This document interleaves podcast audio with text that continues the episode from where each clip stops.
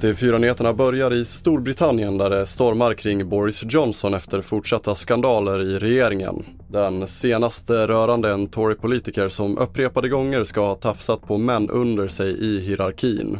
Och nu väljer finansministern och hälsoministern tillsammans med flera högt uppsatta partikollegor att avgå i protest mot Johnsons ledarskap och samtidigt ropar både oppositionsledare och även Skottlands förste minister på Boris Johnsons avgång. Och vi fortsätter i Sverige där rätten beslutade att hålla kvar 44-åringen misstänkt för mordet på Malin Lindström i häktet. Det var igår som den fyra dagar långa rättegången tog slut där den åtalade kommit med en ny version om hur hans sperma kunnat hittas på mordoffrets kläder. Åklagaren yrkar på minst sex års fängelse medan försvarsadvokaten menar att det bör bli en frikännande dom.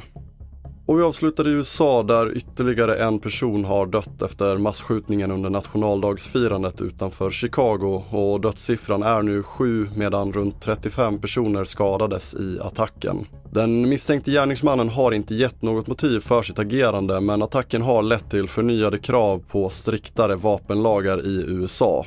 There is no reason that we have weapons of war on the streets of America. We